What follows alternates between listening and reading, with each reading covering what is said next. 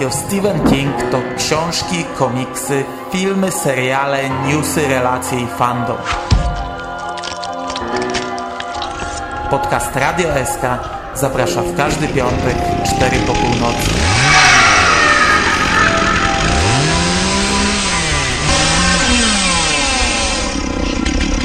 Wiadomości z martwej strefy.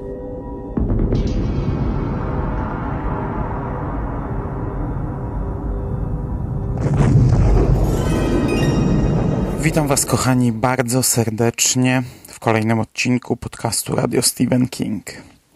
Po zeszłotygodniowym, rocznicowym odcinku podcastu, w którym rozpływałem się na temat tego, jak to fajnie się nam wszystko układa, jak to sprawnie i prężnie działa, dość szybko nastąpił kryzys.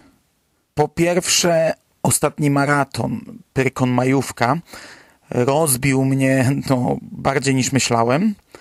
Y, nie wiem, jakim cudem nie wpłynęło to na podcast, ale y, też wrzucałem go tak na szybko, na zapas, w dziwnych miejscach, y, że też jakoś nie zarejestrowałem, ile tygodni dokładnie upłynęło.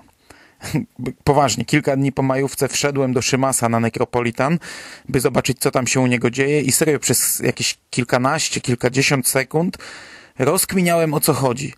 Dlaczego tam jest Pyrkon, skoro miały być, miało być dziecko Rozmery? Czy Szymas wrzucił jakiś odcinek bonusowy? Wiecie, trochę absurdalne, bo wiem ile Szymas ma czasu i że raczej nie może sobie pozwolić na odcinki bonusowe. Spojrzałem na daty i, i faktycznie widzę czwarty i piąty, no więc, więc wychodzi na to, że dał to dzień po dniu. No i sobie myślę szalony. I, I dopiero na spokojnie, po kilku, nie wiem, nastu sekundach skupiłem się i przeliczyłem, ile tygodni upłynęło od ostatnich naszych wspólnych podcastów, od Kaploa i od Porym Roku. I że wszystko się zgadza, a czwarty i piąty to nie są dni, tylko to jest kwiecień i maj. No a, a następny tydzień, no ten tydzień, co teraz powoli się kończy, minął mi równie szybko. A rodzina jakoś przychylnie też nie patrzy na to, że Ciągle mam coś innego na głowie. A znalezione niekradzione samo się nie przeczyta. A w piątek w kinach Avengersi i trzeba nadrobić zaległości z agentami tarczy. A maj to miesiąc finałów seriali i fajnie by było nadrobić zaległości z, w zasadzie z wszystkich innych, które narobiły się przez kwiecień. I tak dalej, i tak dalej, i tak dalej. Do tego jakoś parcie na RSK znów chwilowo siadło. No tak bywa to powróci pewnie prędzej niż później, ale maj może i najprawdopodobniej będzie miał przerwy w nadawaniu. Liczę, że jak nagram dzisiejsze wiadomości, które są o tyle fajnym y, motywatorem, że no, trzeba je nagrywać, trzeba je robić raz w miesiącu, co by nie popsuć serii. No i jak nagram je i zmontuję je Bóg wie kiedy, to chęć nagrywania sama wróci, bo tak to często działa. I na tym kończymy ten przydługi wstęp i przejdźmy do konkretów. Witam Was, kochani, serdecznie w 194 odcinku podcastu Radio Stephen King i 48 audycji z cyklu Wiadomości z Martwej Strefy, w której przyjrzymy się bliżej wydarzeniom i newsom z Kingowego podwórka, jakie miały miejsce w kwietniu 2015 roku i którymi jednocześnie zamykamy czwarty rok comiesięcznych podsumowań.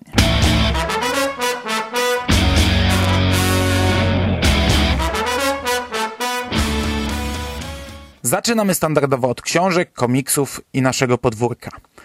I standardowo skrót z tego, co wyszło w ostatnich dniach i co zostało na najbliższe dni zapowiedziane. 1 kwietnia do sprzedaży trafiło wznowienie Uciekiniera, 6 maja gra Geralda, a 8 maja, czyli gdybym się sprężył i puścił odcinek planowo, no to dzisiaj, e, do sprzedaży trafi wznowienie czterech pół roku. O wszystkich trzech książkach mówiłem więcej na etapie zapowiedzi. Okładki do Uciekiniera i Czterech Pół Roku wykonał Darek Kocurek, a grę Geralda zdobi grafika brytyjskiej serii od New English Library, które Albatros wykorzystywał już wielokrotnie w przeszłości.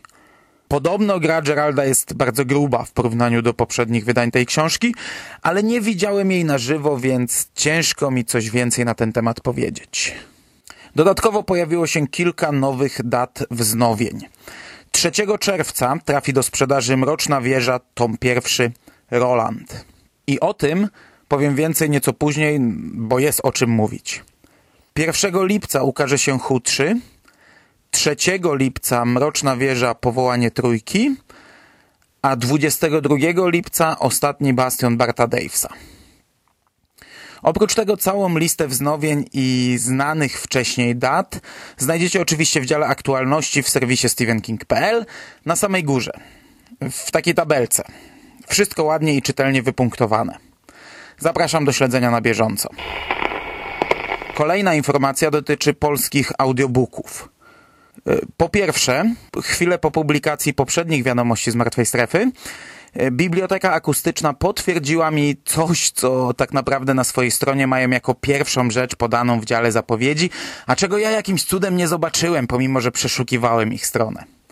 Otóż zostanie wydany audiobook Dr. Sen.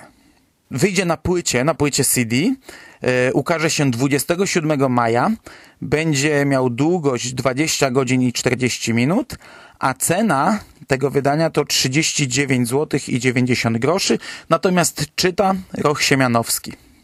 A już teraz w sprzedaży znajduje się inny audiobook, Joyland. Tym razem nie na płycie, tylko w postaci samych plików MP3 do pobrania. Wydawcą jest oczywiście Pruszyński Ska. Audiobook ma długość 9 godzin i 14 minut. Cena to 29,90, a czyta Krzysztof Plewako-Szczerbiński czyli ten sam lektor, który czytał ostatnio Przebudzenie.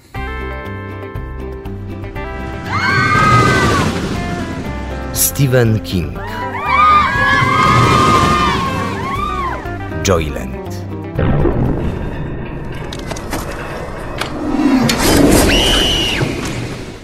Miałem samochód, ale wtedy jesienią 1973 roku Przeważnie chodziłem do Joylandu piechotą z plażowego pensjonatu pani Shoplow w miasteczku Heavens Bay. Jakoś czułem, że tak trzeba, a nawet, że tylko tak można. Z początkiem września plaża Heavens Beach prawie zupełnie opustoszała, co pasowało do mojego nastroju. To była najpiękniejsza jesień w moim życiu.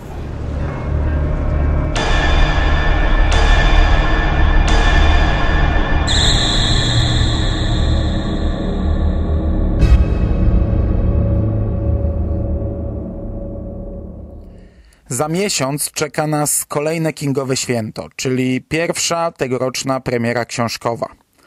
Druga część trylogii o detektywie Hodgesie pod tytułem Znalezione, niekradzione. I oczywiście więcej na temat tej książki i całe podsumowanie promocji i otoczki przedpremierowej będzie za miesiąc, ale już dzisiaj w dużym skrócie. Po pierwsze, wersja w twardej oprawie, bo pojawią się dwie edycje. Wersja w twardej oprawie pojawi się w sieci Empik 5 czerwca, czyli trzy dni po światowej premierze i przez te kilka dni będzie dostępna tylko w sieci Empik. Natomiast 10 czerwca, czyli w dzień, na który zapowiedziana była polska premiera, do sprzedaży trafi też wersja miękko-okładkowa. I tego dnia oba wydania będą już dostępne w pozostałych sklepach w Polsce. Czyli tak naprawdę przez pierwsze pięć dni książka będzie do kupienia tylko w Empiku i tylko w twardej oprawie, a potem od 10 czerwca już wszędzie i w obu edycjach. Jak widać na załączonej grafice, ja już czytam swój egzemplarz prasowy. Mam od cholery roboty, ale mm, po dwóch dniach około 200 stron przeczytałem i zaczęło się nieźle ale więcej na ten temat w podcaście z recenzją, który nie wiem jeszcze kiedy się pojawi i nie wiem w jakiej zostanie formie nagrany. Nie wiem, czy będzie to duet czy solówka. Bo Skóra ostatnio nie wykazywał raczej chęci czytania drugiego tomu. Z takich technicznych rzeczy książka ma odrobinę mniejszą czcionkę niż pan Mercedes. O ile dobrze pamiętam, o jedną linijkę na stronie więcej. W panu Mercedesie było ich 29, a tutaj jest ich 30 przy czym mogę źle pamiętać. Ale sam prebook ma, ma w ogóle zupełnie inną czcionkę i nie wiem, czy to właśnie tak będzie ostatecznie wyglądać. przypominam, że Mercedes i Nosferatu wydane rok temu miało, miały taką dość nietypową czcionkę. Natomiast to, czego ja do końca nie rozumiem, to jest ilość stron. Bo prebook ma ich 480, ale według informacji na tylnej okładce ostateczna wersja będzie miała ich aż 544. I ja nie mam pojęcia skąd te dodatkowe 64 strony i jak to zostanie zrobione w taki sposób, że akurat te 64 strony powiększą nam objętość całej książki. Czy będą to większe akapity, większa czcionka, większe odstępy? No nie mam pojęcia. Co się natomiast tyczy samej promocji, to wiadomo już o kilku gadżetach. Na targach książki w Warszawie do, do zakupów powyżej 100 zł będą dodawane specjalne torby ekologiczne, i może nie są one konkretnie mm, ze, z grafiką promującą znalezione niekradzione, tylko z nazwiskami pisarzy, których wydaje Albatros, ale King jest dość mocno wyróżniony, a biorąc pod uwagę, że jest to termin w okolicy premiery, no to yy, można to podpiąć pod promocję konkretnego tytułu. Albatros przygotował też kwadratowe notesy z wydzieranymi kartkami, właśnie ze znalezione, niekradzione. I jest to bardzo fajna rzecz. Ja tego na żywo jeszcze nie widziałem, ale już zacieram ręce. I na koniec, no może powoli już standardowo, ale takie standardy to ja rozumiem. Od 20 maja w 50 empikach w całej Polsce będzie można wziąć darmową książeczkę promocyjną z fragmentem znalezione, niekradzione. Meet Brady. Mr. Mercedes.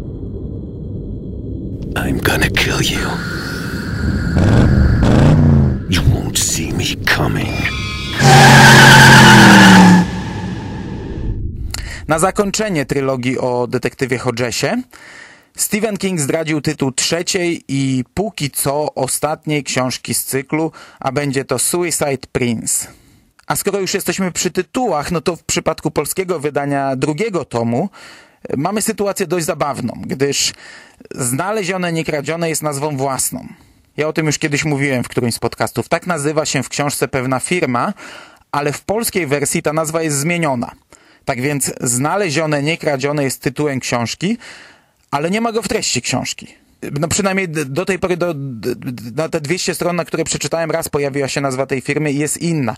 W innej formie raczej chyba ten tekst się nie pojawi.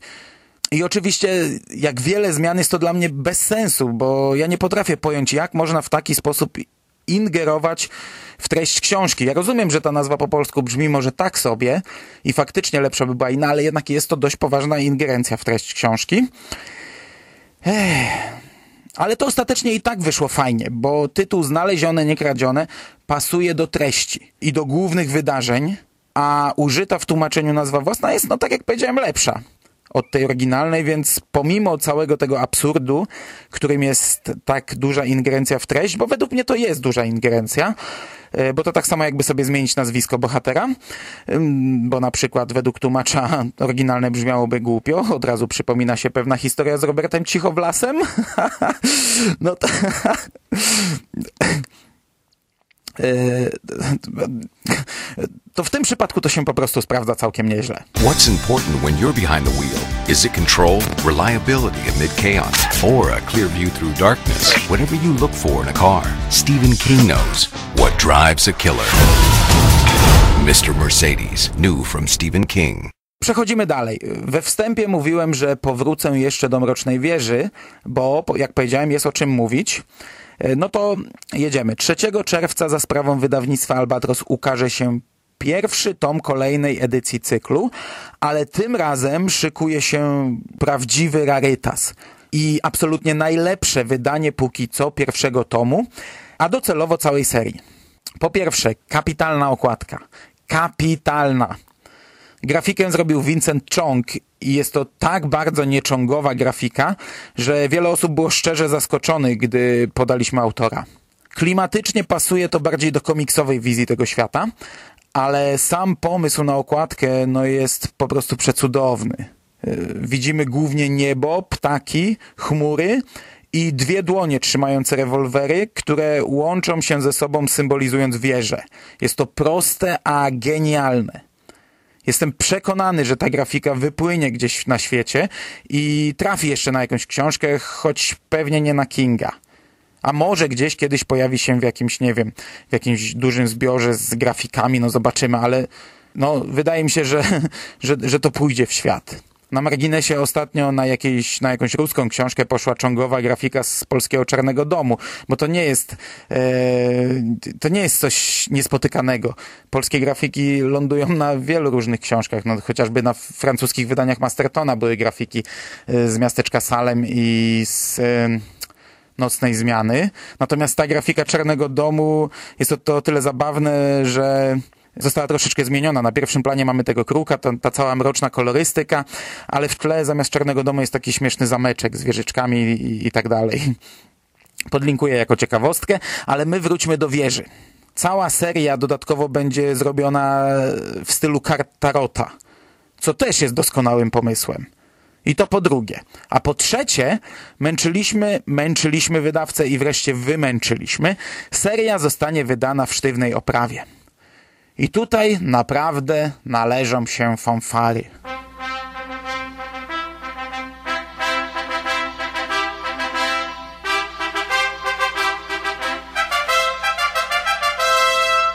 Młodsi słuchacze mogą nie pamiętać, ale podczas pierwszego wydawania wieży w Polsce w 2003 roku na pierwszym wydaniu piątego tomu Wilki Skala pojawiła się informacja o planowanym na 2005 rok wydaniu cyklu w sztywnej oprawie właśnie.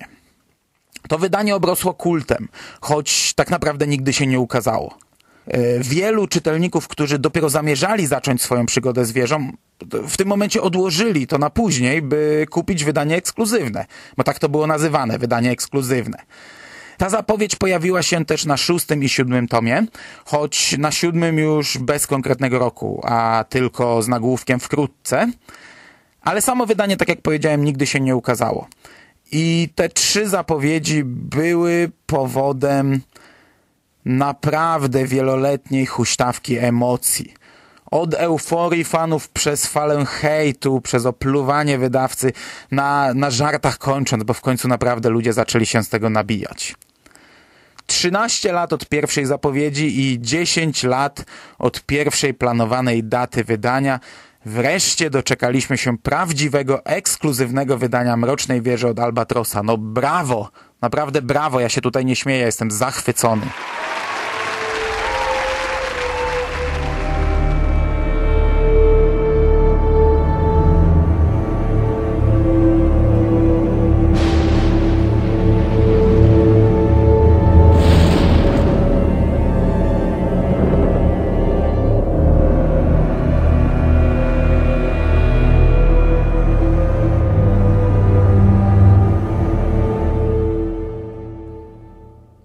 Co ciekawe, to nadal nie jest najlepsza informacja.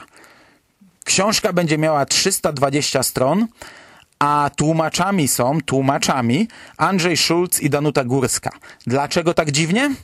Otóż wydanie to dodatkowo zawierać będzie opowiadanie siostrzyczki z Eluri, które do tej pory w Polsce ukazały się oddzielnie w antologii Legendy i w zbiorze Wszystko jest względne, a które chronologicznie rozgrywają się przed pierwszym tomem i stanowią taki wstęp, taki e, powstały w celu zachęcenia czytelników, które, którzy nie znają tego świata, a jednocześnie są zamkniętą historią, no mają wprowadzać czytelnika w ten świat. I co ważne, jest to jedyne takie wydanie w Europie. Natomiast drugie po USA, drugie na świecie. Przy czym w USA takie wydanie wyszło tylko w limitowanym nakładzie. To jest w ogóle świetna historia, bo nasz wydawca zgłosił się z pytaniem o taką opcję do agenta Kinga i otrzymał odpowiedź odmowną, a chwilę później w jakiś sposób ta prośba trafiła do samego Kinga i ten przyklasnął takiemu pomysłowi i wyraził zgodę. No i, i, i chwilę po odpowiedzi odmownej przyszła niespodziewanie odpowiedź, że tak, zgadzamy się, możecie tak wydać. W ten sposób Albatros y, może zaoferować polskim fanom coś, czego nie ma na świecie. No ja rozumiem, to opowiadanie jest dostępne, to opowiadanie czytało większość fanów Kinga, ale dostajemy taki pakiet, zestaw, coś fajnego, naprawdę wszystko w jednym wydaniu, w jednej książce. Oczywiście bardzo możliwe, że to w przyszłości będzie standardem. Przy którymś tam kolejnym wznowieniu e, na świecie dodadzą to do pierwszego tomu, ale na chwilę obecną jesteśmy jedyni.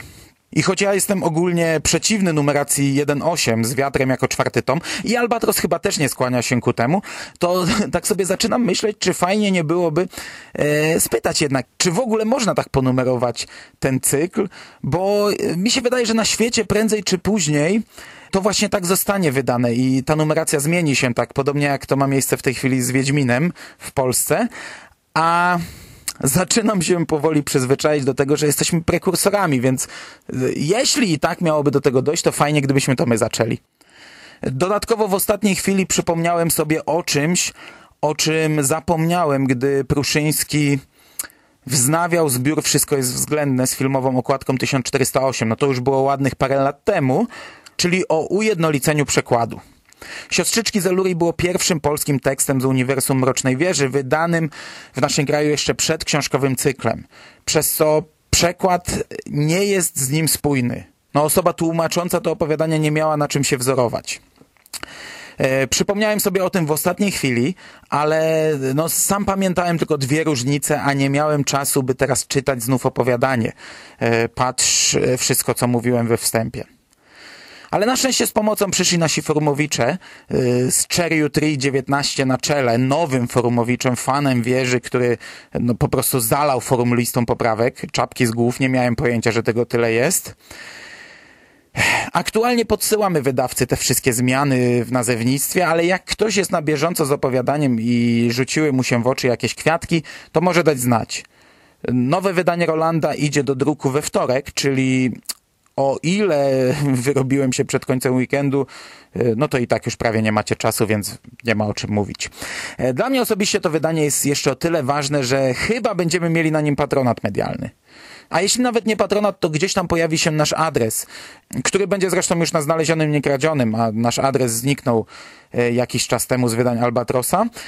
I, no i teraz wraca i to jest dla mnie dopełnienie przecudowności i, i, i wyjątkowości tej edycji. I zamykając już temat książkowej Mrocznej Wieży, dodam tylko, że tradycyjnie w dziale galerie w stephenking.pl można obejrzeć szkic okładki i wersję oryginalną, w tym przypadku bez ramki z karty Tarota.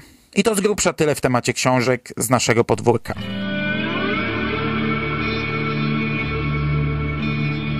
The man in black fled across the desert.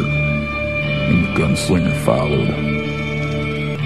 The gunslinger is a creature of what you would call destiny, and the wheel of his destiny continues to turn towards one inevitable goal a dark tower.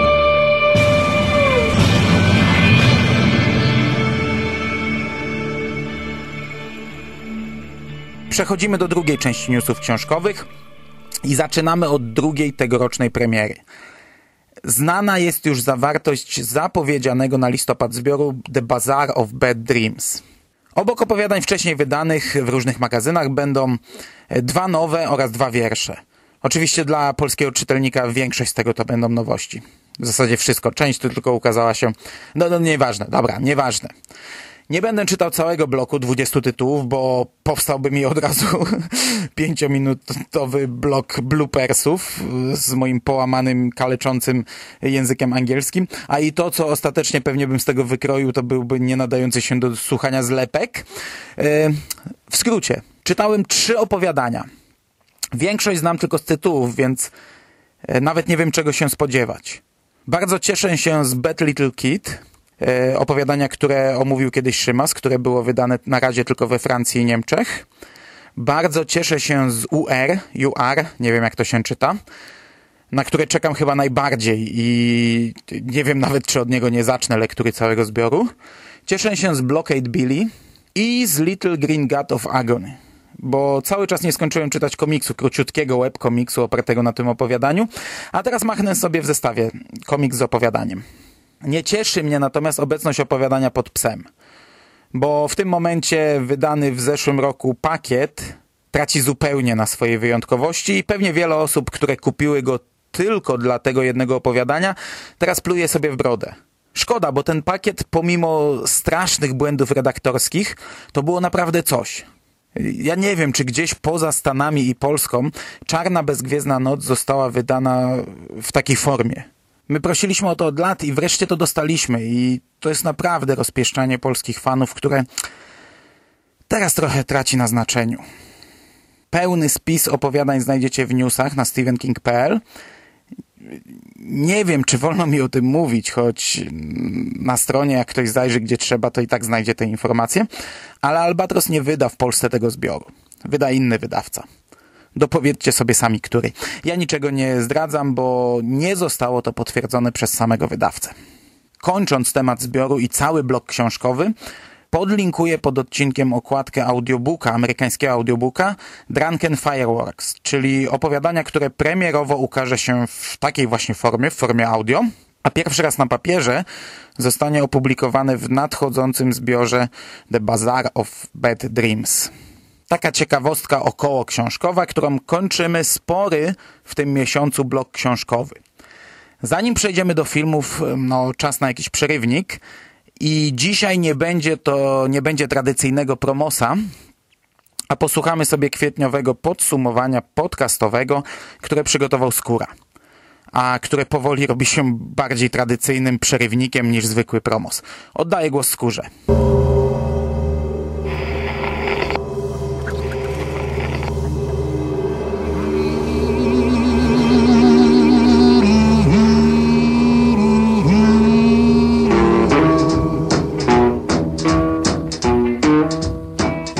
Witam w przeglądzie podcastowym, w którym w tym tygodniu królują relacje z Pyrkonu, a wybija się z nich e, właśnie tematycznie krótki podcast Jerego na temat filmu Coś za mną podąża z ciekawą ścieżką dźwiękową. Na film wciąż czekamy, a podcastu już słuchamy teraz. Bo podcast jest krótki, w przeciwieństwie do bardzo długiego kolejnego odcinka poświęconego Masters of Horror, część druga na podcaście Szymasa, czyli necropolitanblogspot.com, gdzie również równie długi film omówili i męczący w podcaście, który nie jest męczący, ale jest równie długi, czyli Pora Mroku. 25 podcast o jednym z takich filmów e, najgorszych. Czy właśnie to jest problem, że ja nie wiem w końcu, czy oni go polecają, czy nie polecają. Ale ja nie będę go oglądał.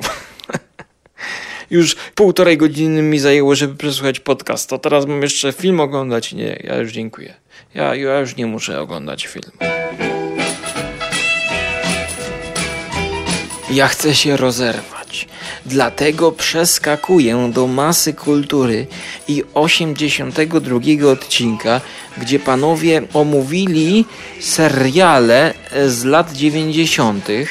I nawet na podstawie takiej ankiety zrobili sobie demokratyczny wybór najlepszego serialu, co po raz któryś tam udowodniło, że no jednak demokracja się myli, ponieważ wybrali drużynę A. Drużyna A według nich to jest, to jest najlepszy serial lat 90. Oczywiście oni się mylą. Jak nie wierzycie, to posłuchajcie sami tego podcastu, bo dobrze wszyscy wiemy, że najlepszy serial lat 90. to jest miasteczko Twin Peaks. No a potem może Archiwum Mix. No może, no może. No niech się cieszy ten Hubert. Up this morning, baby, I found you. I'm crazy about you, but you know you have done me wrong ale można się rozluźnić przy majowym gratisie. Masy kultury, gdzie jak zwykle robią sobie żarty, panowie. No, niech se robią tak żarty. Ciekawe, kiedy do nich doczepi się krajowy szeryf internetu.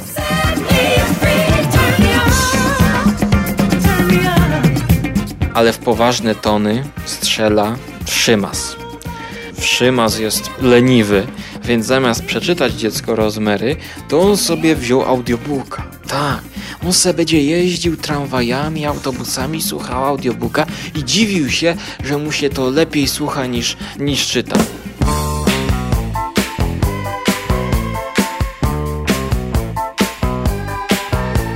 Podcast o dziecku rozmery.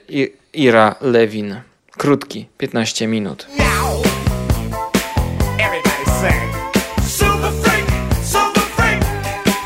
Przeciwieństwie do podcastu numer 27, gdzie przez godzinę Szymas relacjonuje Pyrkon. No, jest, jest to lepsza relacja niż poprzednie relacje Huberta. Trzeba to przyznać, że wreszcie człowiek daje jakiś obraz tego, jak jest na tym perykonie. Nie same superlatywy i że Mando sobie zrobił zdjęcie ze szturmowcem, ale podaje przykłady takich idiotycznych rezerwacji, pierdół. Dlatego zanim pojedziecie na Pyrkon w przyszłym roku, to posłuchajcie Szymasa, bo ten człowiek nie wie co mówi, dlatego zrobił ankiety i zapytał innych podcasterów i na podstawie szerszej opinii wygłasza taką skondensowaną opinię. Więc jeżeli nie macie swojej opinii, nie wiecie jaka jest opinia podcasterów, nie chcecie mieć swojej opinii, a też nawet wyrobić jej sobie nie możecie, to jedynym wyjściem, zamiast pisać do wszystkich podcasterów i pytać ich o opinię, to jest posłuchać Szymasa i posłuchać tej opinii.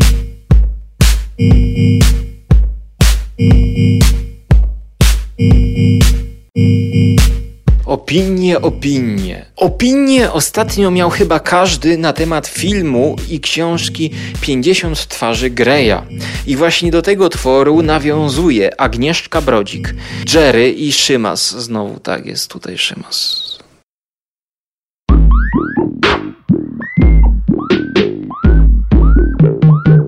Nawiązują oni w relacji mikrofonowej, na żywo, nagranej na perkonie właśnie. Wreszcie ktoś pomyślał i włączył tam po prostu dyktafon.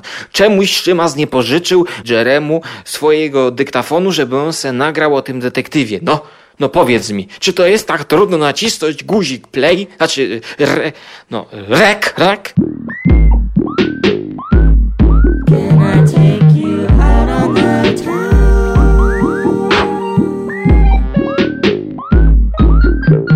wszyscy oglądaliśmy film Rek. Nie wiem, Jerry, weź sobie, uzbieraj sobie, nie wiem, jakiś chociaż taki mikrofon za 3 złote od Chińczyków byś no nagrał, a teraz co my mamy czytać na twoim blogu? Człowieku, ja już przestałem czytać w 54. Ale można posłuchać Jerego właśnie, jak sobie tutaj dyskutują. Taka luźna dyskusja, sympatyczna taka. Robicie sobie kolacyjkę, założyć sobie. Sympatyczna dyskusja. Z Agnieszką jeszcze sobie gadają właśnie, czy horror to jest coś więcej niż jakieś potwory, czy tutaj, prawda, horror gotycki, czy warto czytać klasykę, czy nie warto. Pojawiają się też jakieś romanse, takie współczesne nastolatki. Nasi dyskutanci mówią, że oglądają jakieś tam filmy erotyczne. No, dobra, Idziemy dalej.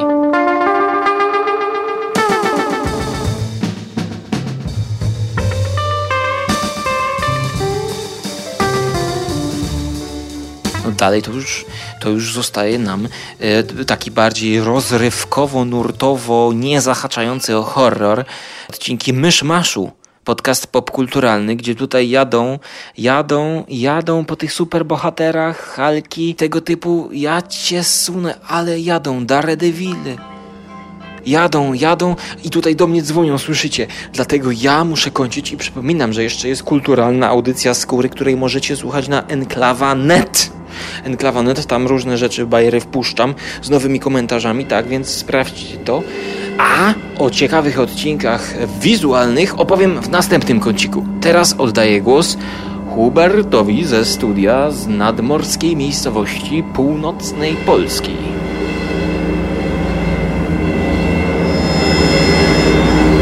Miesiąc kwiecień pełen był mrocznej wieży. Najpierw genialny news książkowy, potem komiksy, i ostatnia okładka, świetna okładka do ostatniego zeszytu serii House of Cards, o której już nie mówiłem w poprzednim bloku, e, ale podlinkuję, no, w zasadzie teraz o tym mówię, ale podlinkuję, e, podlinkuję pod odcinkiem. A na koniec powrócił temat zekranizowania cyklu. Projektem zainteresowało się studio Sony, które wraz z MRC chciałoby stworzyć serię filmów wspomaganych serialami, no czyli żadna nowość. Za najnowszą wersję scenariusza odpowiedzialni są Akiva Goldsman i Jeff Pinkner. Pierwsza produkcja kinowa miałaby się opierać na Tomie Roland. Jeśli chodzi o mnie, to jak ktoś mnie zna, to wie, jak bardzo chciałbym, by ten projekt powstał, ale też po pierwszej kasacji, yy, która naprawdę troszeczkę mnie zabolała, przestałem się to jakoś specjalnie ekscytować. Mroczna Wieża jest tak ciężkim do zekranizowania materiałem, że póki faktycznie aktorzy i ekipa nie staną na planie, to nie przywiązuję jakiejś szczególnej wagi do tych rewelacji. Poza tym jest to jednak tytuł innego i nie oszukujmy się, dużo mniejszego kalibru niż taki Harry Potter czy Władca Pierścieni. I ja naprawdę nie dziwię się, że ludzie średnio się garną do pakowania pieniędzy w projekt zbudowany z pff, od czterech do siedmiu filmów i jeszcze do tego kilku seriali. No to, to, jest, to, jest, ogrom, to jest ogromny projekt, no, który tak naprawdę może paść już po pierwszym filmie. No ale o tym, że znów coś tam się dzieje w tym temacie, no wypada poinformować. Nikt bardziej niż ja nie ucieszy się, jeśli to dojdzie do skutku.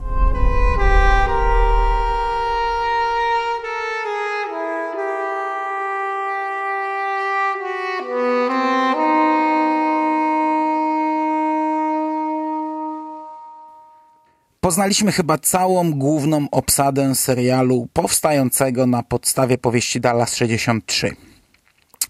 W główną postać kobiecą, Sadie, Dunhill, wcieli się Sarah Gaydon, którą można było zobaczyć m.in. w filmach e, Dracula Historia Nieznana, Niesamowity Spider-Man 2, Wróg czy Niebezpieczna Metoda. Główną rolę męską, o czym wiemy już od jakiegoś czasu, otrzymał James Franco. Poznaliśmy też aktorów, którzy pojawią się w rolach drugoplanowych. Zabójcę prezydenta Kennedy'ego, Lee Harveya Oswalda, zagra Daniel Weber. W jego matkę wcieli się Cherry Jones. Rolę żony Mariany Oswald dostała Lucy Fry. Ala Templetona, właściciela knajpy w piwnicy, której znajduje się przejście do przeszłości, zagra Chris Cooper, a Billa e, Tarkota, sojusznika Jake'a w latach 60., zagra George McKay. Natomiast Leon Rippey wcieli się w Harry'ego Dunninga, dozorcę w szkole Jake'a, który będzie miał wielki wpływ na jego życie. Osobiście bez googlowania kojarzę tylko ma matkę Oswalda, którą zagra aktorka wcielająca się w panią prezydent w ostatnich sezonach serialu 24 godziny czyli przecudownego serialu, do którego zachęcam wszystkich oczywiście słuchających mnie w tym momencie. A my wracamy do Kinga. From Dallas, Texas, the flash, apparently official, President Kennedy died at 1 p.m. Central. What if instead of just watching history, you could change it? But if you go back and fix the past, better make sure you don't break the future. Stephen King, 112263. Na koniec bloku filmowego mam, mamy coś, co wywołało niezwykłą ekscytację u moich kolegów z podcastu, a czego ja jakoś pojąć nie mogę. Otóż pojawił się pierwszy zwiastun trzeciego sezonu serialu Pod Kopułą, którego premiera zapowiedziana jest na 24 czerwca. Dwugodzinna premiera dodam. I dobrze, szybciej się skończy. Mnie przeraża trochę to, o czym z Ingiem rozmawiałem podczas majówki, że nie mówi się nic o tym, jakoby miał to być ostatni sezon.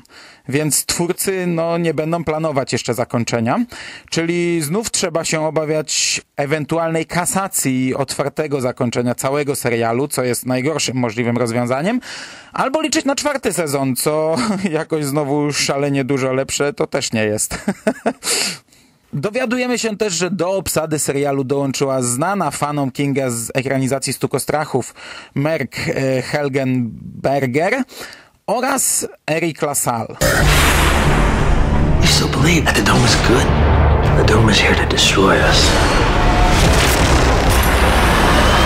The summer's number one show returns. Everybody stay together! Chester's Mill strikes again.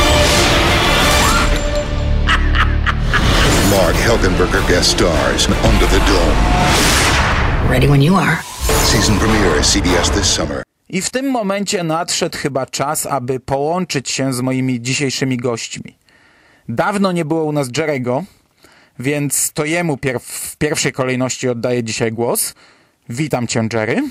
Witam wszystkich bardzo, bardzo serdecznie po bardzo długim okresie nieobecności mojej skromnej osoby w wiadomościach martwej strefy, ale w kwietniu postanowiłem w końcu trochę się aktywować, tym bardziej, że pojawiło się parę interesujących z mojego punktu widzenia newsów. Zresztą kwiecień w ogóle obfitował w ciekawe wydarzenia około kingowe i nie tylko. Zacznę od książek. I tutaj, tak na dobrą sprawę, poza tradycyjnym workiem wznowień, poza nadchodzącą wielkimi krokami premierą nowej powieści, tak na dobrą sprawę najciekawszym i dla mnie chyba najważniejszym newsem z tego miesiąca było wznowienie Mrocznej Wieży. Wznowienie, które jest poszerzone o siostrzycki Zeluri. Wznowienie o tyle dla mnie interesujące, że po pierwsze ma świetną okładkę.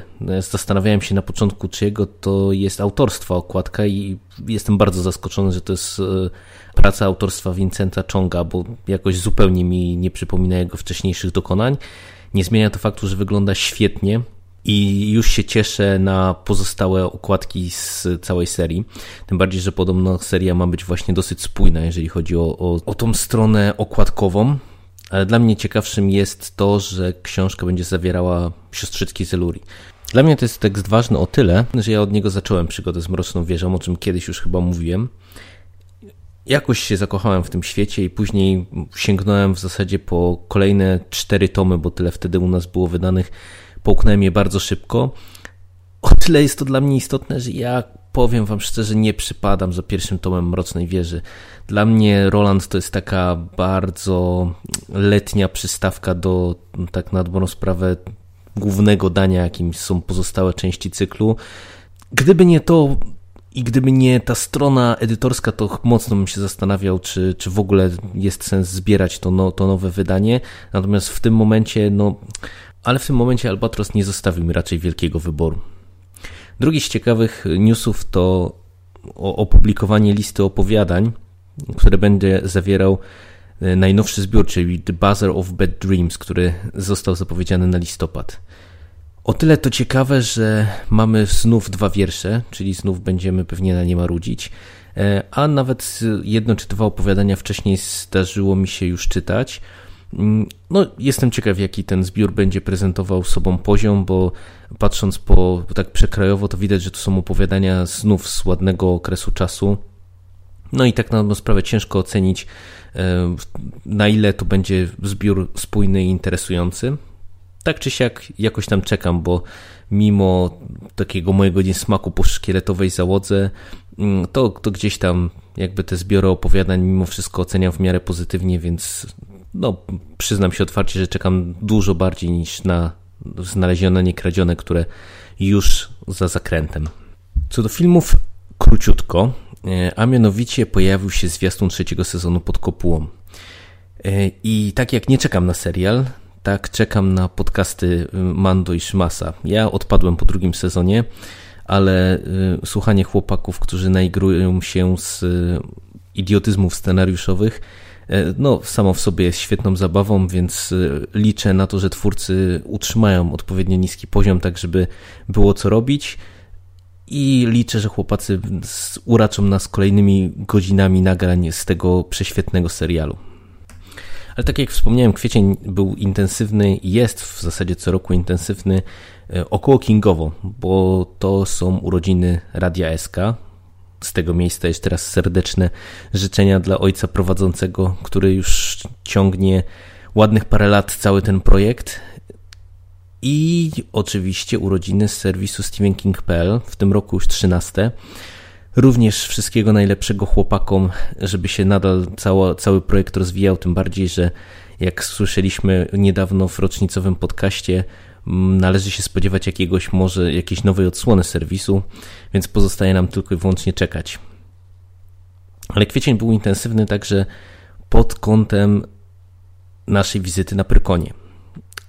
bo ci, którzy się pofatygowali na Pyrkon, mogli zobaczyć e, nas, czyli Szmasa, e, Mando i mnie w odsłonie na żywo. E, mieliśmy prelekcję, którą mogliście w wersji próbnej odsłuchać sobie na, na stronie. Moim, w moim odczuciu wyszło chyba lepiej na żywo, chociaż zdania są tutaj podzielone dosyć mocno. Ale King tak na dobrą sprawę towarzyszył nam na późniejszych punktach programu, tak jak z Szymasem e, wespół z, z Agnieszką Brodzik z Karpiowego Podcastu i serwisu Carpe Noctem rozmawialiśmy w trakcie paneli. King wracał wielokrotnie. Wyszło to nieźle. Ja tam trochę nabrałem apetytu na e, e, więcej tego rodzaju projektów, więc będę namawiał chłopaków, żebyśmy nie spoczęli na laurach i w przyszłym roku zaoferowali może kolejny jakiś kingowy punkt programu. No i z mojej strony to tyle. Maj nie zapowiada się już tak intensywnie podcastowo, bo e, mam wrażenie, że chyba trochę wszyscy złapaliśmy zadyszkę, ale miejmy nadzieję, że to tylko takie gadanie e, z naszej strony, jak to często bywało, jak zaczynamy gadać, że będzie słabiej, to zaraz rozwiązuje się worek z podcastami. Z mojej strony w tym miesiącu to tyle. Dzięki bardzo i do usłyszenia.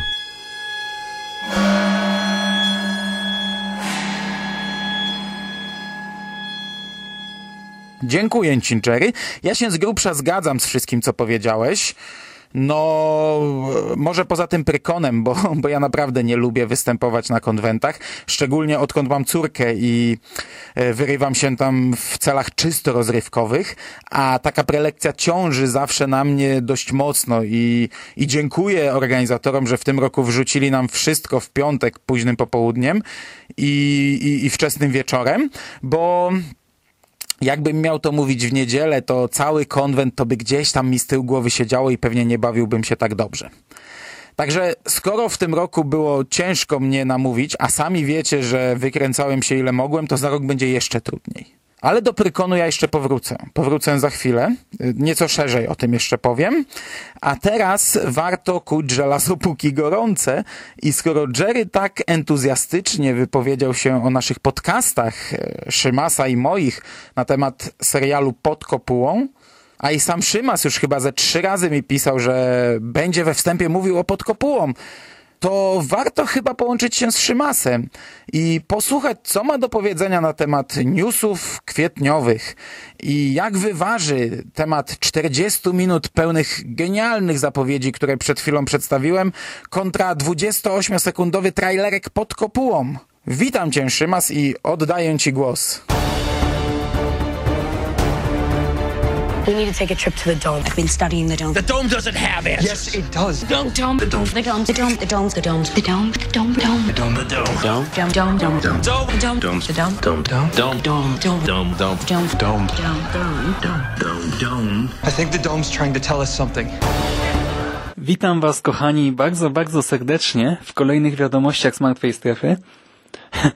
Myślę, że doskonale wiecie, który temat chciałbym dzisiaj tak przede wszystkim poruszyć, co mnie najbardziej interesuje, co jest dla mnie tematem miesiąca, ale pomimo wszystko wstrzymam się jeszcze przez chwilę, zachowam pewną chronologię i zacznę od bloku książkowego i przejdę przez niego w takich trzech krótkich, szybkich krokach.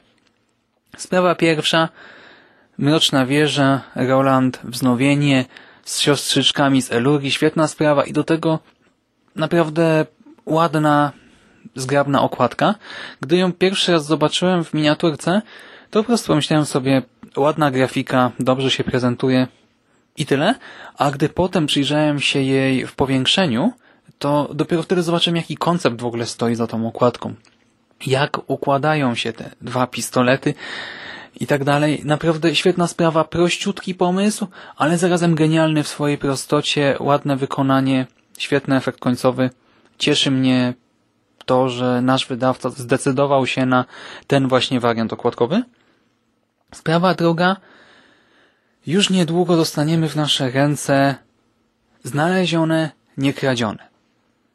I o samej książce w sumie dzisiaj nie chcę niczego mówić. Ciekawi mnie to, jak będzie wyglądała kampania promocyjna, co też zaserwują nam wydawcy. Wiemy już troszkę o gadżetach. Wiemy, że pojawią się takie notesiki, bloczki z karteczkami zdobionymi takim motywem z książki, z okładki. Bardzo, bardzo fajny gadżecik. Niby prosta sprawa, ale ja osobiście uwielbiam tego typu biurowe gadżety. Zresztą ja też uwielbiam wszelkiego rodzaju karteczki i notuję naprawdę bardzo, bardzo wiele rzeczy. Nawet teraz, jak tak stoję z dyktafonem i rozglądam się wokół mnie, to obok mam karteczkę, się karteczkę, kartka 4 z notatkami do podcastu i tam jeszcze a z seminarium jakiegoś.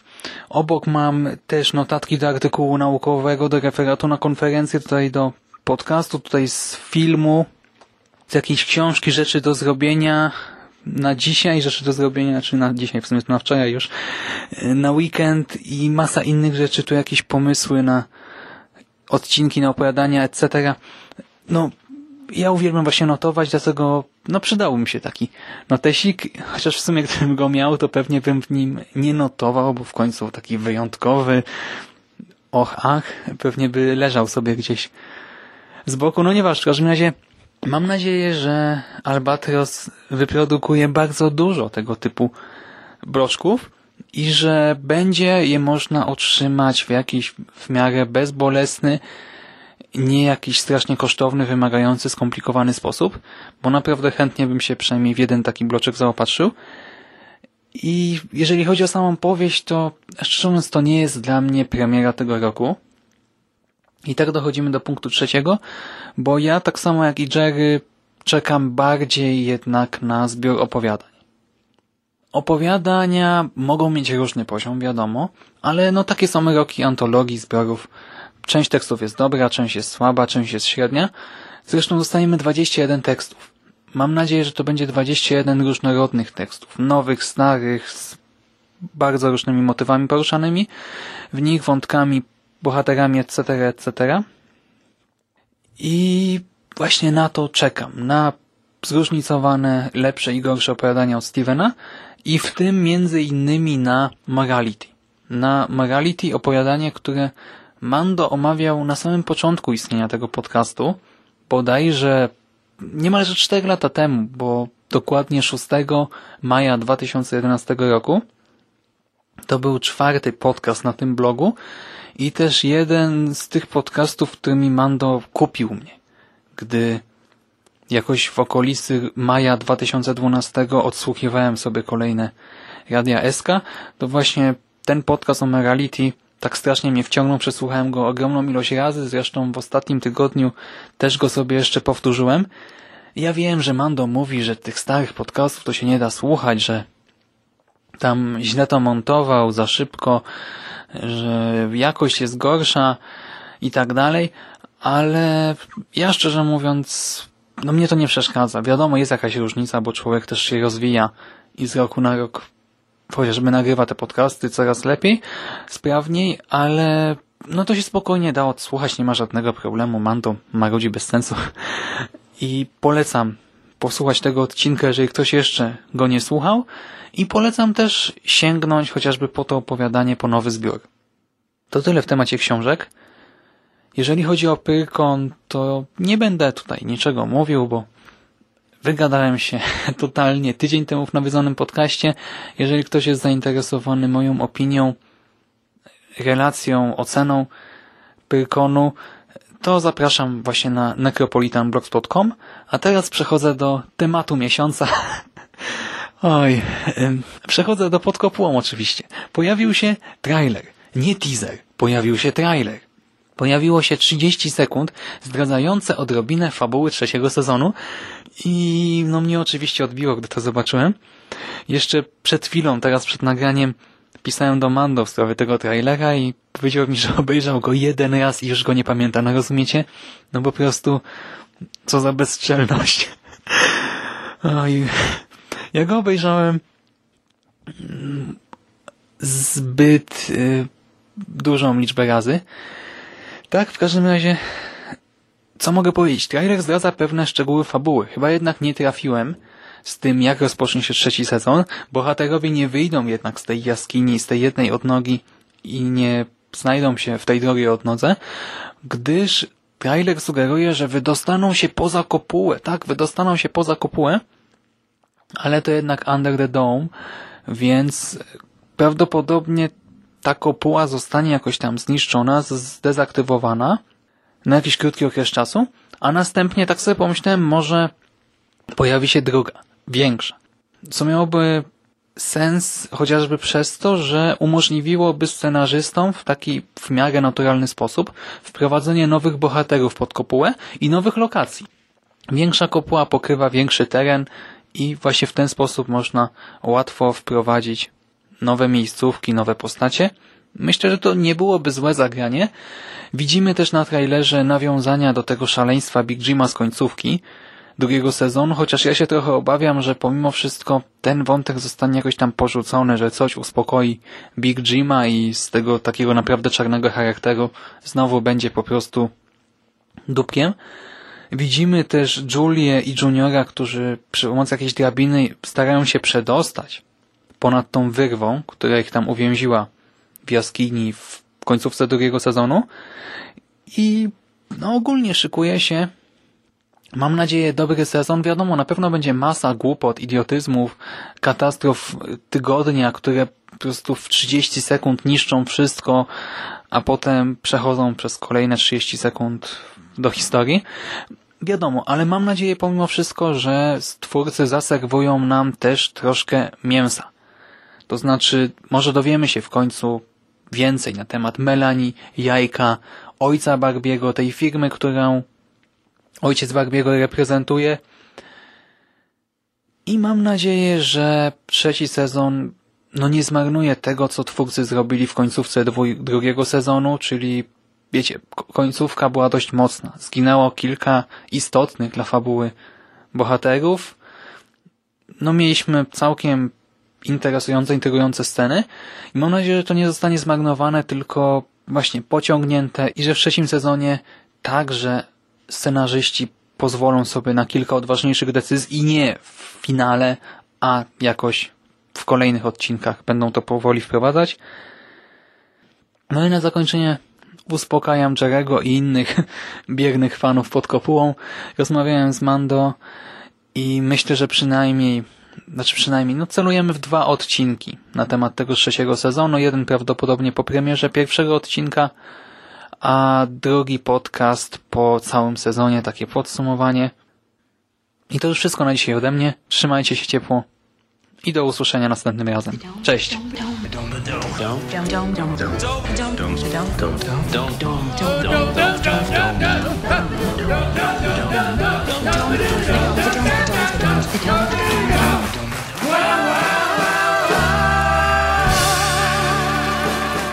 Jak widać, wyważył pół na pół, więc no, nie jest źle.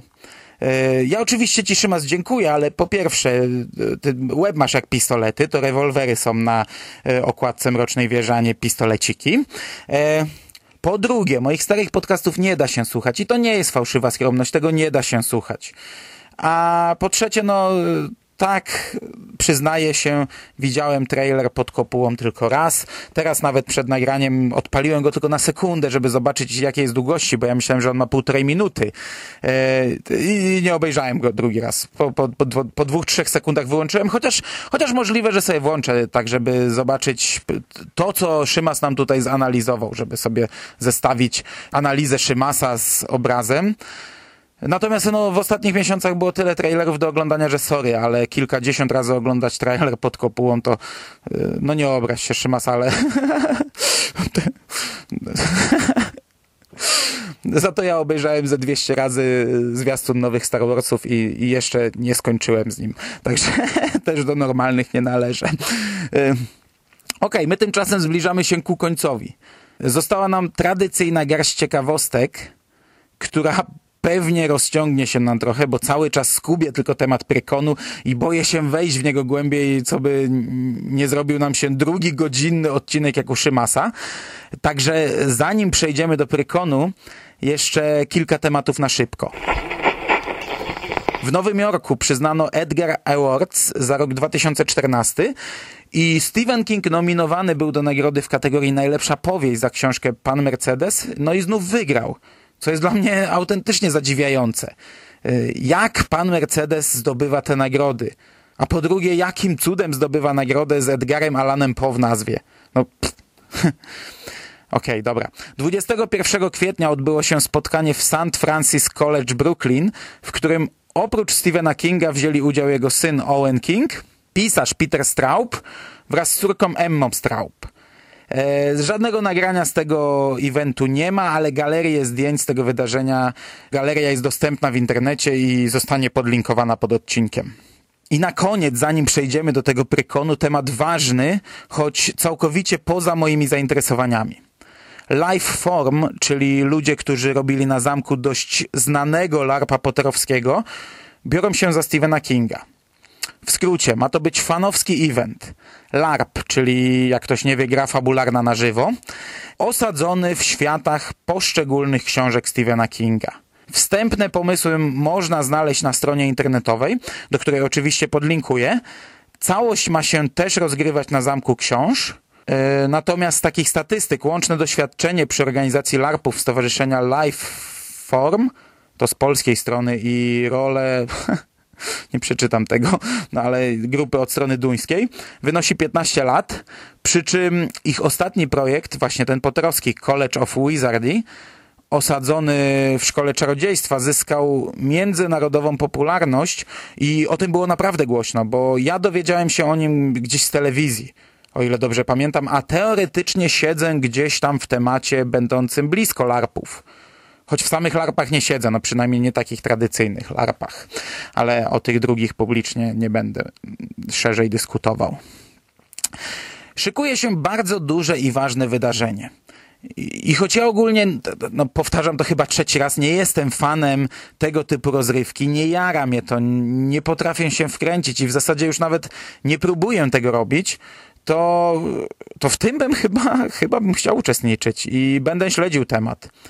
Ogólnie mamy dość dobry kontakt z organizatorami, więc powinniśmy być z tematem na bieżąco.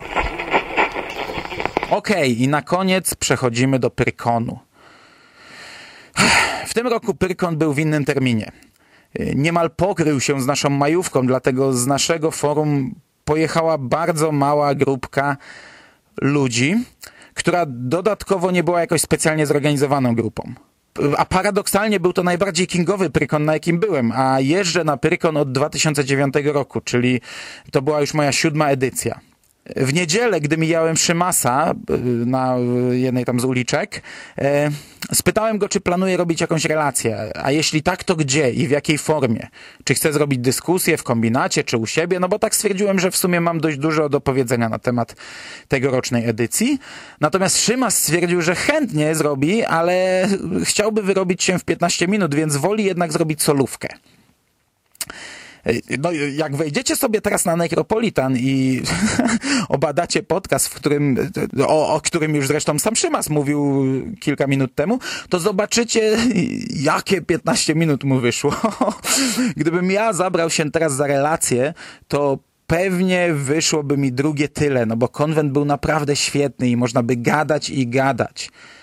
Ale z grubsza bardzo dużo powtórzyłbym tego, co powiedział już Szymas. Jak się wreszcie zbiorę, by wrzucić na stephenking.pl tekstową relację, którą napisałem już ponad tydzień temu, tylko czeka sobie na wrzucenie, to będziecie mogli przeczytać e, taką skondensowaną e, wersję, skondensowaną relację z mojej strony, ale dzisiaj ograniczę się tylko do punktów kingowych i będę się wspomagał swoją właśnie niepublikowaną relacją. O naszej prelekcji jakoś za wiele nie chcę już mówić, bo powiedzieliśmy już sporo na jej temat. E, no, wyszło ok, ale przyznaję otwarcie, że ja byłem przerażony. Byłem przerażony ilością osób. Ja, ja naprawdę nie mam żadnego problemu z występami publicznymi. Ja zarabiam na życie występując publicznie przed mniejszą, ale dużo trudniejszą publiką i ogólnie umiem dość dobrze panować nad tłumem co, co tym razem na szczęście nie było mi potrzebne, ale serio, jak stanąłem przed tym tłumem, to kolanka mi się ugięły. I, I w ogóle nóżki się zrobiły miękkie i nie przestały być miękkie przez całą godzinę. Ja robiłem wszystko, byleby tylko nie łapać kontaktu wzrokowego z tą masą ludzi. Jeśli ktoś zrobił sobie kilkuletnią przerwę w konwentowaniu i był ostatnio powiedzmy na Dębcu, a teraz przyjechał nagle na targi, no to oczywiście e, to nie będzie jedyna rzecz, która go zdziwi, bo, bo tam na każdym kroku będzie zbierał szczękę z podłogi, ale jeżeli ktoś taki byłby fanem Kinga i przyszedłby sobie na naszą prelekcję, to może być naprawdę w sporym szoku. Kiedyś kingowe punkty programu to gromadziły jakieś pięć osób na krzyż. A tutaj sala pękała w szwach. To była ta mniejsza sala. Sala z dwoma mm, ekranami. E, później chłopacy mieli y, panele na większych salach, na dużych. Tam to naprawdę, tam, tam to ja bym nie wyszedł. Nie ma w ogóle takiej opcji. To była ta mniejsza sala, a i tak była przepełniona. Pękała w szwach. Ludzie nawet stali, co nie zdarzało się często. Znajomi spóźnili się 5 minut, no i już nie weszli, ale to niestety był standard y, na tym brykonie, co podobnie jak Szymas do końca nie jestem pewien, czy y, zaliczyć do plusów, czy, czy do minusów. Jakoś szalenie nie przychylam się do tego, żeby był to minus. No i y, co się tyczy naszej prelekcji, jeśli nie podołaliśmy i uważacie, że oczywiście ci, którzy byli tam, uważacie, że tę godzinkę za zmarnowaną, no to bardzo, bardzo przepraszam, bardzo mi przykro, ale mam nadzieję, że nie było jednak tak źle.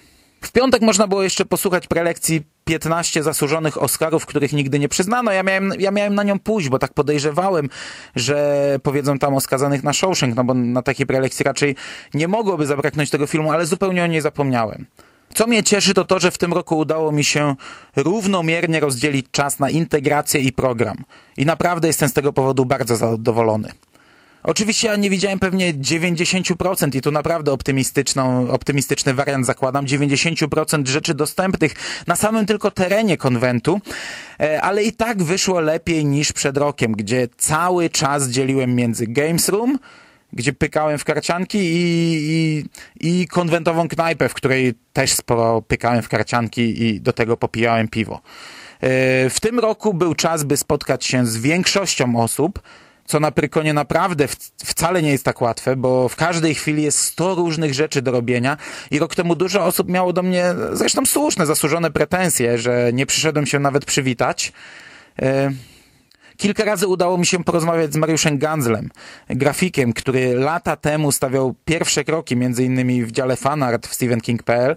To jest naprawdę świetne, bo y, Mariusz Ganzel jest pierwszą postacią, o której teraz powiem, ale za chwilę powiem o Draku Kocurku, który również gdzieś tam e, stawiał swoje pierwsze kroki w stephenking.pl i również o tym wspominał i to naprawdę, y, naprawdę jest świetne. W tej chwili Mariusz Ganzel jest y, znanym i rozpoznawanym w środowisku autorem grafik do gier z najwyższej półki, jak choćby właśnie Karcianki, Władca Pierścieni czy Star Wars od Fantasy Flight Games wydawanych u nas przez Galaktę. Mariusz wraz z grupą innych grafików mieli wspólne duże stoisko na hali tregowej, o której zresztą można by osobny podcast nagrać. E, stoisko, na którym można było podpisać karty, poprosić o rysunek, autograf, czy kupić specjalnie przygotowane wydruki prac, e, wśród których znalazły się też dwa duże fanarty z Mrocznej Wieży. No, oprócz tego jeszcze graficy mieli wspólne punkty programu. Naprawdę pokazali się jako świetna, zorganizowana grupa i, i, i to było widać kolosalną różnicę, bo ja Mariusza poznałem dwa lata temu na Star Force i po prostu to, co e, widziałem na Star Force, to był jego pierwszy konwent, a to, co widziałem na Prykonie, to, to, to jest gigantyczna różnica. To są lata świetlne. I, I to zresztą sam Mariusz również przyznawał i prywatnie, i publicznie. W niedzielę po raz, po raz chyba setny szedłem na stoisko Insignis, e, zdecydowany, by wreszcie skusić się na wszystkie zaległe metra i, i, i zadłużyć się jeszcze bardziej, spieniężyć swoją kartę, bo Insignis miało naprawdę świetne promocje, e, dużo, dużo lepsze niż e, w sklepach internetowych, czego nie można powiedzieć o wielu, w zasadzie chyba prawie wszystkich innych wystawcach. No ale po drodze wpadłem do Mariusza, by się pożegnać i zupełnie przypadkiem nabyłem koszulkę z przepiękną grafiką, którą Mariusz wykonał specjalnie na Pyrkon, na turniej Władcy Pierścieni e, organizowany przez e, kilku chłopaków, zresztą z, e, z fanklubów Star Wars. Przynajmniej kiedyś byli w fanklubach Star Wars, nie wiem jak to teraz wygląda. I którą chłopacy wydrukowali na specjalnej pamiątkowej karcie turniejowej. I choć samą koszulkę chyba jakoś źle prałem, bo po dwóch praniach przeokrutnie mi wyblakła, to, to po pierwsze nadal wygląda świetnie i nadal noszę ją z chęcią, a po drugie, jeśli by zrobić taką koszulkę z Mariuszową grafiką do Mrocznej Wieży, o co będę mu często suszył głowę i jeśli rozkmini się, jak pierze się taką koszulkę, no to będzie to kapitalna rzecz. Kapitalna! Taka różowa grafika, taki różowy fanart z Mrocznej Wieży, znaczy różowy, no uogólniam bardzo mocno, jest po prostu świetny. To jest po prostu genialna grafika. Wracając do prelekcji. Y, temat Kinga zdominował tak naprawdę dopiero niedzielny program. E, najpierw odbyła się projekcja filmu Darka Kocurka, Lament Paranoika. Wreszcie e, miałem możliwość obejrzenia tego właśnie na tego typu projekcji na dużych ekranach, w tym przypadku cztery duże ekrany. Bardzo się z tego cieszyłem.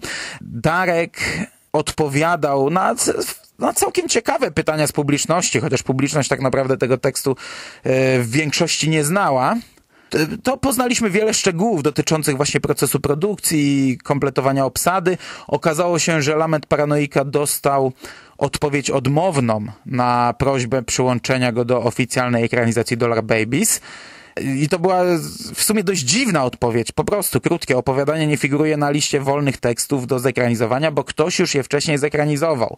Czyli wychodzi na to, że może powstać tylko jeden Dollar Baby na podstawie jednego opowiadania, co jest dziwne, no bo yy, na liście, fakt, że nie jest to oficjalna lista, tego typu produkcji widnieje masę filmów nakręconych na podstawie tego samego tekstu. No, e, wywiozą ci wszystko, co kochasz, zostało zekranizowane, nie wiem, 6-7 razy, to, to, to naprawdę ciężko odróżnić, która ekranizacja jest która. A tu się okazuje, że odpowiedź odmowna. No szkoda bo to jednak jest taki film, który e, fajnie by było, gdyby się znalazł na liście, bo to jest coś nietypowego, to jest coś ciekawego, połączenie grafiki, dwuwymiarowej grafiki 3D, aktorstwa, rysunków, e, do tego, no to są oczywiście smaczki dla Polaków, ale to są fajne smaczki, mamy aktorów, e, mamy... Mm, autorów, przepraszam, przepraszam, kuź, mamy autorów, pisarzy polskich, mamy Leszka Teleszyńskiego i tak dalej, no, plus sam Darek, który naprawdę z fandomem kingowym jest związany prawie na całym świecie. E, Darek rozdał kilka gadżetów z filmu, i tutaj naprawdę muszę się pochwalić, trafiło mi się coś, nie powinienem chyba mówić o tym publicznie. W sumie nie pytałem Darka, czy ja mogę w ogóle wrzucać gdzieś zdjęcia tego, a już wychodząc z sali pyknąłem zdjęcie komóreczką i na Facebooka. E dostałem yy, film na płytce. To jest oczywiście wydane chałupniczo, no, wypalone, ale wszystko jest, wszystko wygląda tak fajnie, profesjonalnie. No, płytka ma swój nadruk, jest w pudełku, naprawdę piękna rzecz. No i mam film, fajnie, bo wcześniej miałem tylko wersję ściągniętą z YouTube'a, a teraz mam film w trochę lepszej jakości. I zaraz po tym, e, po tej projekcji Darek przeniósł się do sali rejestrowanej.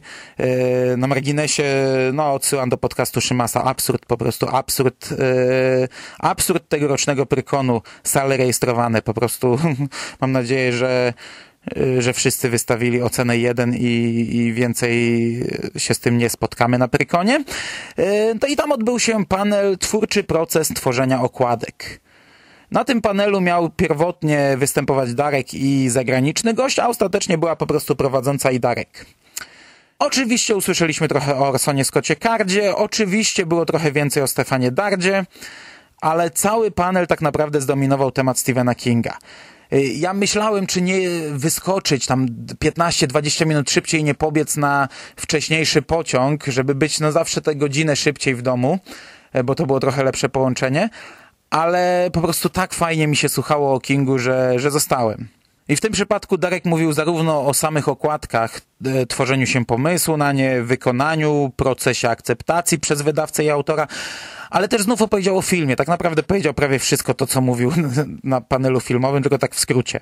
Ale tam chyba y, publiczność się nie powtarzała, bo gdy Darek spytał, kto czytał opowiadanie Lament Paranoika, to zgłosiłem się ja i żona Darka, przy czym ja akurat ładowałem telefon gdzieś tam w kącie, więc mnie nawet nie zauważyli, że podniosłem rękę.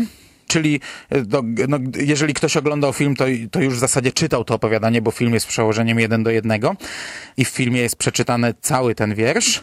Darek opowiadał właśnie o plakatach, o fandomie, dużo fajnych ciekawostek i bardzo miło było posłuchać to, co mówiłem przed chwilą o początkach Darka, o początkach w temacie okładek, o jego współpracy z naszym serwisem, o tym, jak narodziła się idea pierwszego kalendarza, która później zaowocowała pierwszymi okładkami i zamówieniami na kolejne. Darek wspomniał też, że myśli o jeszcze jednym filmie, ale jest to na razie na etapie bardzo wczesnego pomysłu. Nie poznaliśmy tytułu tego filmu, nie wiadomo co on tam planuje ekranizować, ale Darek powiedział, że jest, y, że jeśli się na to zdecyduje, to od początku zadba o status oficjalnej ekranizacji oraz powiedział, że będzie to dużo bardziej skomplikowana i czasochłonna praca.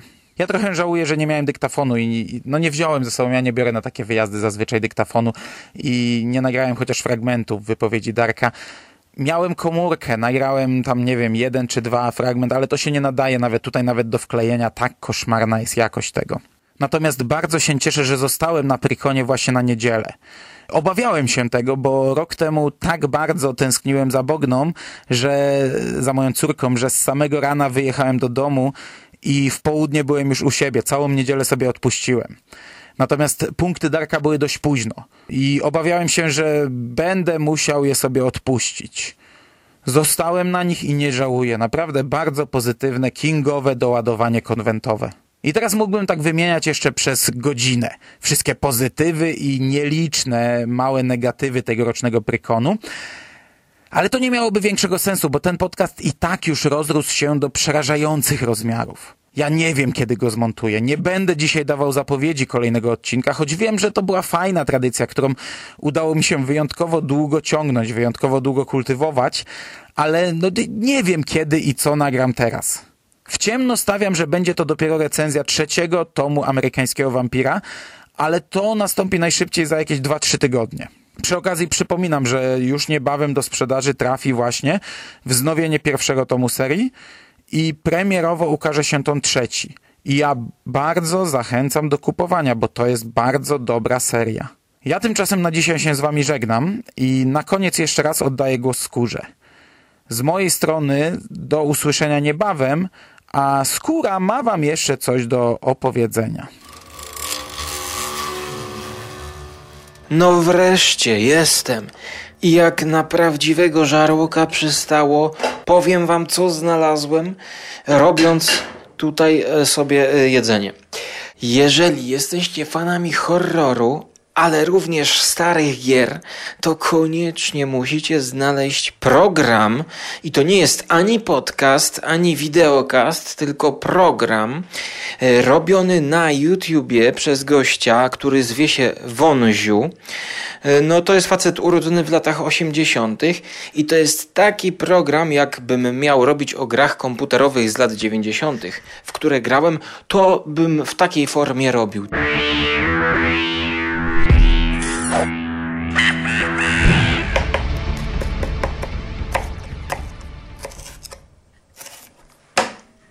To nie jest zwykły jakiś gameplay, tylko facet wkleja ciekawe sceny z tych gier, ilustruje je w dodatku jakimiś ciekawymi zdjęciami, filmikami, no i można znaleźć tam kilka takich strasznych tytułów, które nas e, za dzieciaka straszyły. Na przykład gra Archiwum X, na przykład strategia Myth, gdzie chodziły zombiaki wszędzie, mroczne science fiction Syndicate.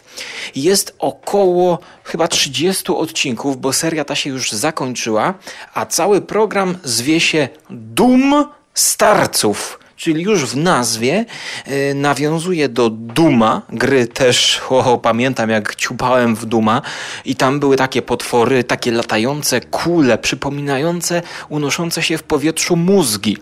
Ja pamiętam jak ciupałem, kiedy do rodziców przyszli goście i tak ciupałem w tego Duma, że potem, kiedy kładłem się spać, to wydawało mi się, że w moim pokoju lata właśnie taki mózg.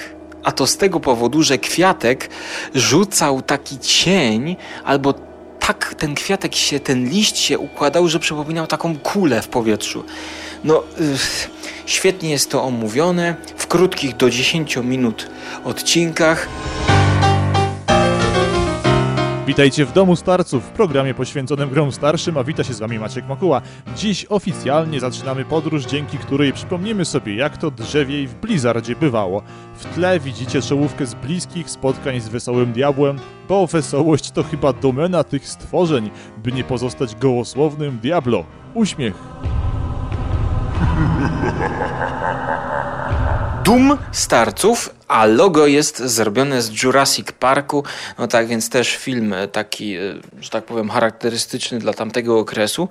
Oczywiście w grę Tress Spacer, która właśnie jest w klimatach Jurassic Parkowych, też facet omawia naprawdę bardzo dużo tytułów, na przykład Prehistoryk, no, no przeróżne gierki, koniecznie to obejrzyjcie. Link opisie. Obecnie ten facet zajmuje się nadal recenzowaniem różnych gier na kanale Wycieki z Ruczaju, czy, czy coś takiego. No, jak wpiszecie Wąziu, Jak wpiszecie Wąziu, to go znajdziecie. Cóż, tyle, cześć. Jeżeli obejrzycie już te wspominki na temat Diablo świetnego klimatycznego, czy Dungeon Keepera, e, no te strumienie z Ruczaju to już jest inna stylistyka. Ja widzę, że wcześniej, jak ten program robił 4 lata temu, gdzieś około, to stylistyka była zupełnie inna. No jakieś przebitki, wstawki, facet siedział za mikrofonem, coś tam prowadził samochód, zdjęcia, mm, do tego, prawda, jakieś filmy, ujęcia Jurassic Park, to jakaś scena nawiązująca do obecnie ten żarty. W ogóle facet ma fajny głos podcasterski. To jest taki podcasterski wideokast. Ręce musiałem umyć. No i jeżeli obejrzycie te filmy, to musicie się przerzucić na mm, jingle, bo zapomniałem, co chciałem powiedzieć.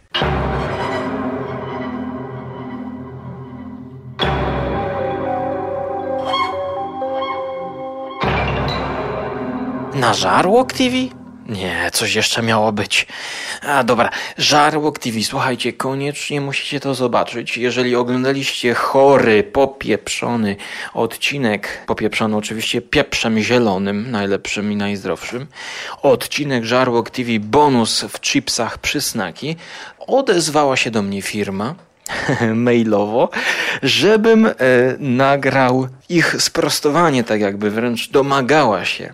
Słuchajcie, no wolałem nie ryzykować. No wiecie, no jeżeli chcą oświadczenie, e, sprostowanie, co to było, no to wziąłem kamerkę, nagrałem im, przeczytałem tę wiadomość słowo w słowo, to co, to co przeczytali.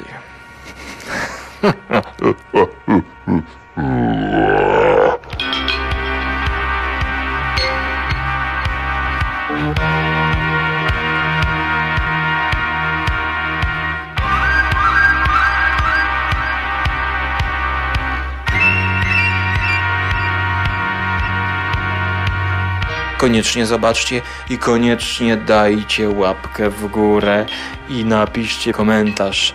Słuchajcie, ja nigdy w podcastingu nie męczyłem o tak zwane żebro lajki, ale okazuje się, że na YouTubie czym więcej jest tych wszystkich guzików tam używanych przez słuchaczy, to tym bardziej ten film jest lepiej pozycjonowany i oglądany i dalej przesyłany. A o to mi chodzi, żeby pożreć cały internet. Więc pomóżcie w tym skórze i będziecie go motywować do nagrywania i podcastów, bo jak widzicie nie skończyłem z podcastami i Żarłok TV. Tak więc tymczasem jedzcie, zajadajcie chipsy i oglądajcie Dum Starców. Natomiast to, o czym zapomniałem, no to chyba jednak to, co miałem wam polecić, to chyba nie są jakieś książki z wydawnictwa Grozyc, to chyba jednak przełożymy na przyszły odcinek wiadomości z martwej strefy. A teraz, kochani, żegnam Was ciepło i serdecznie. Trzymajcie się i do usłyszenia w przyszłości.